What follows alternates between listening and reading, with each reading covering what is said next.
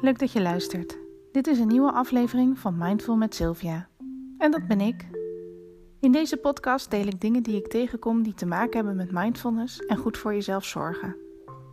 Het zijn hectische tijden en we weten allemaal wel dat voldoende bewegen en gezonde voeding goed voor ons is. Maar hoe je aan je mentale gezondheid werkt, dat is nog niet zo algemeen bekend. En daar wil ik verandering in brengen. Ik ben mindfulness trainer en ik bied trainingen aan in groepen, één op één en bij bedrijven. En ik wil je mee laten zien dat mindfulness helemaal niet suf of zweverig is, maar een wetenschappelijk onderbouwde methode om meer rust en plezier in je leven te brengen. Nou, laten we beginnen met het onderwerp van vandaag.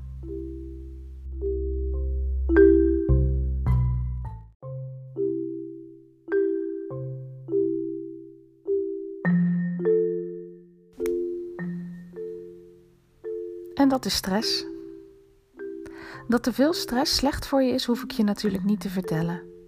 Maar niet iedereen heeft altijd door dat hij te veel stress heeft, of linken bepaalde klachten niet aan stress.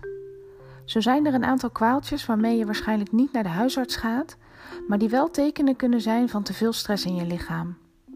Slaapproblemen bijvoorbeeld, moeilijk in slaap komen of midden in de nacht wakker worden en daarna weer moeilijk in slaap kunnen vallen. Piekeren, Vaak spierpijn hebben zonder dat je hebt gesport. Veel hoofdpijn hebben is er ook zo een. Of weinig puff of energie hebben, zelfs als je acht uur of meer slaapt per nacht. Of dat je elk virusje of verkoudheidje meepakt. Veel last van je buik hebt of heel de dag snijdrang hebt of zin in slecht eten. Dit zijn klachten die je kunt krijgen van langdurige stress. Maar wat is stress dan eigenlijk, vraag je je misschien af. Stress is een lichamelijke reactie als je geest denkt iets niet of moeilijk aan te kunnen. Je lichaam wordt in verhoogde staat van paraatheid gebracht, alsof je leven op het, op het spel staat. En dit wordt in gang gezet door een van de oudste en minst geëvalueerde deel van onze hersenen, de amygdala. En dit stukje brein werkt als een soort gevarenscanner als het ook maar iets van dreiging spot, geeft het stresshormonen vrij die het lichaam aanstuurt om zich klaar te maken om een topprestatie te leveren. En niet alleen dingen van buitenaf kunnen zo'n stressreactie op gang brengen. Dit gebeurt ook als we denken over situaties die eventueel kunnen gebeuren, of als we herinneringen ophalen of ons druk maken over de toekomst. En onze gevarenscanner maakt geen onderscheid tussen echte dreiging of onze fantasie hierover. Telkens als de denkgeest een signaal geeft dat er iets mis is, wordt het lichaam onder spanning gebracht alsof je leven op het spel staat, alsof er echt iets gebeurt. Maar die reactie is vaak veel te overdreven. Tegenwoordig raken we gestrest van afspraken, deadlines, files, vergaderingen, tijdsdruk, to-do-lijstjes. En het begint al in de ochtend, als je wakker wordt. hoe laat is het? Welke dag is het? Waar staan de files? Wat moet ik vandaag aan? Uh, ik moet de hond nog uitlaten. Krijg ik de kinderen wel op tijd op school? En ben ik dan niet te laat voor mijn afspraak? Op dat moment begint het lichaam al stresshormonen aan te maken en dat gaat dan zo heel de dag door. Stressreactie op stressreactie, zonder dat je het doorhebt. Maar stress is niet alleen slecht, hè? Bij korte stressreacties om bijvoorbeeld te presteren, als je een examen moet halen of een presentatie moet geven, helpen stresshormonen je om scherper te zijn en je beter te kunnen concentreren. Je lichaam maakt in dat geval dan adrenaline, endorfine en serotonine aan. En deze hormonen worden daarna ook weer snel door het lichaam afgebroken.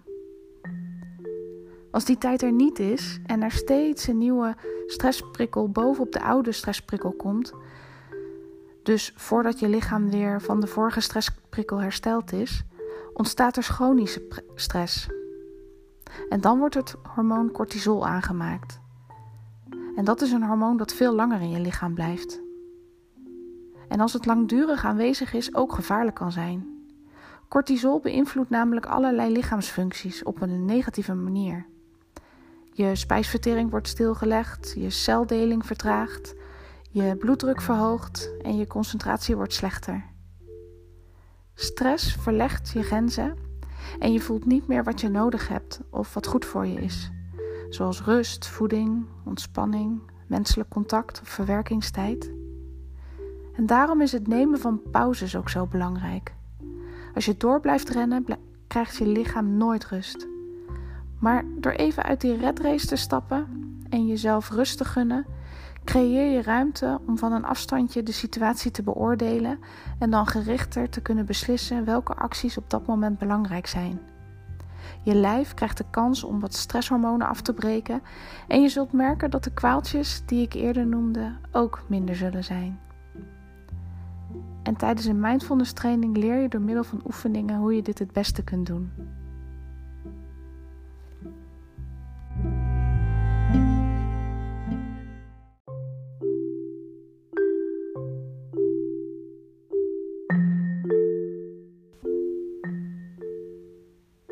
Vind je dit interessant en zou je meer willen weten over mij en hoe ik mindfulness toepas in mijn leven? Dan kun je me vinden op Instagram via Mindful met Sylvia en vanuit daar doorklikken naar mijn website. Bedankt voor het luisteren en tot de volgende keer.